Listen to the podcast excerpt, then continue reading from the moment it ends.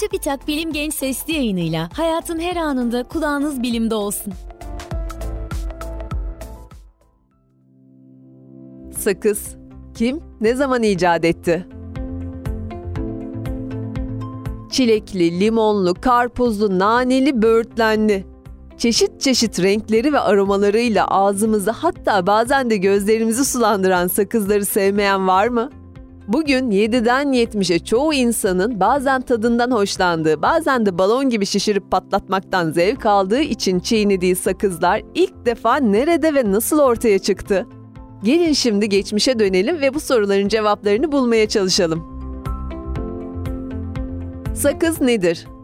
Sakız, geleneksel olarak ağaçlardan elde edilen reçinenin kimyasal yöntemlerle temizlendikten sonra farklı maddelerle karıştırılması ve tatlandırılması sonucu üretilen bir gıdadır.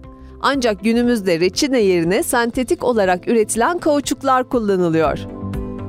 Reçine nedir? Reçine bazı ağaçların kabuklarında oluşan yaraları iyileştirmek ve kendilerini dış etkenlere karşı korumak amacıyla salgıladıkları katı veya yarı akışkan bir maddedir.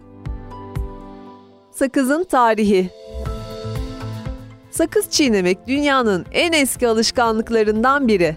Antik Yunanlar dişlerini temizlemek ve nefeslerini tazelemek için sakız ağacının reçinesi olan ve mastika olarak adlandırılan maddeyi çiğnerdi. Mayalar ve Aztekler ise Manilkara zapota ya da sapodilla olarak bilinen ağaçtan elde ettikleri reçineyi pişirip kurutarak chicle adını verdikleri bir tür sakız yaparlardı. Türkçe'de sakız anlamında kullanılan ciklet kelimesinin kökeni de Çikıl'a dayanır. Kızıl derililerin ise Ladin ağacının reçinesini çiğnedikleri biliniyor. Diğer taraftan arkeolojik araştırmalar İskandinavya'da 9000 yıl önce huş ağacından elde edilen reçinenin çiğnendiğini gösteriyor. Ancak günümüzde çiğnediğimiz hemen hemen her yerde satılan endüstriyel sakızların üretimi 1800'lü yıllara dayanıyor. 1848 yılında ABD'li iş adamı John Curtis, ledin ağacının reçinesini ve parafin mumunu kullanarak bir tür sakız yaptı. Ancak çok popüler olmadı. 1860'lı yılların sonunda ABD'de sürgünde olan Meksikalı General Santa Anna, ülkesine geri dönebilmek ve kaybettiği gücü tekrar elde edebilmek için ekonomik olarak bir çıkar yol arıyordu. Mayaların ve Azteklerin çiğnediği chickle'ın doku ve kıvam olarak benzerlikleri nedeniyle o dönemlerde hayli pahalı bir malzeme olan kauçuğun yerine kullanılabileceğini ve bu işten kazanç elde edebileceğini düşündü. Santa Ana bu amaçla Thomas Adams adlı bir mucitle anlaştı ve ondan chickle'ı kullanarak otomobil lastiği üretmesini talep etti.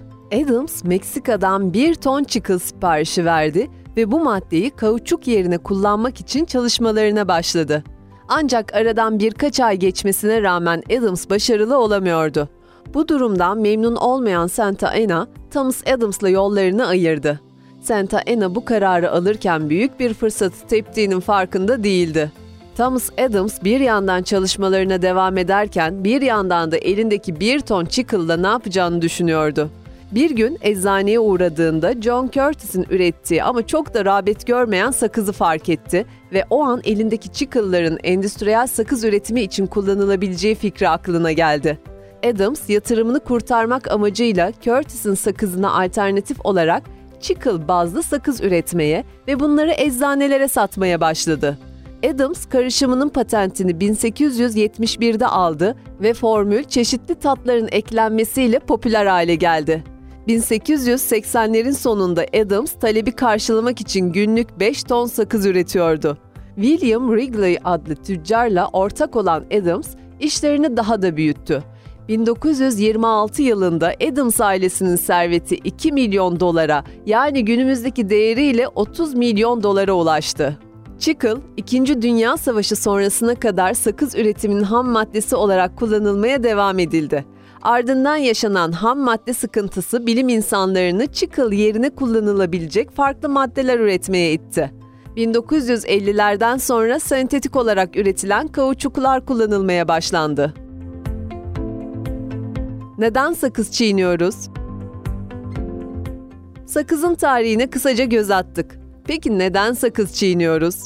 Bazılarımız tadını, bazılarımızsa kokusunu sevdiği için sakız çiğniyor olabilir. Ama sakız çiğneme motivasyonumuzun ardında bunlardan farklı nedenler bulunabilir. Sakız çiğnediğimizde çene kaslarımız sürekli hareket eder.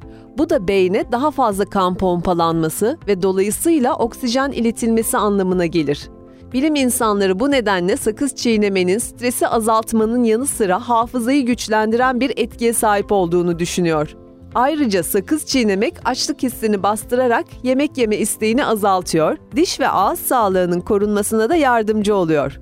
Ancak çok fazla şekerli sakız çiğnemek diş ve ağız sağlığı için olumsuz etkilere yol açabiliyor. Bu nedenle şeker oranı az olan ya da içeriğinde şeker bulunmayan sakızların çiğnenmesi öneriliyor.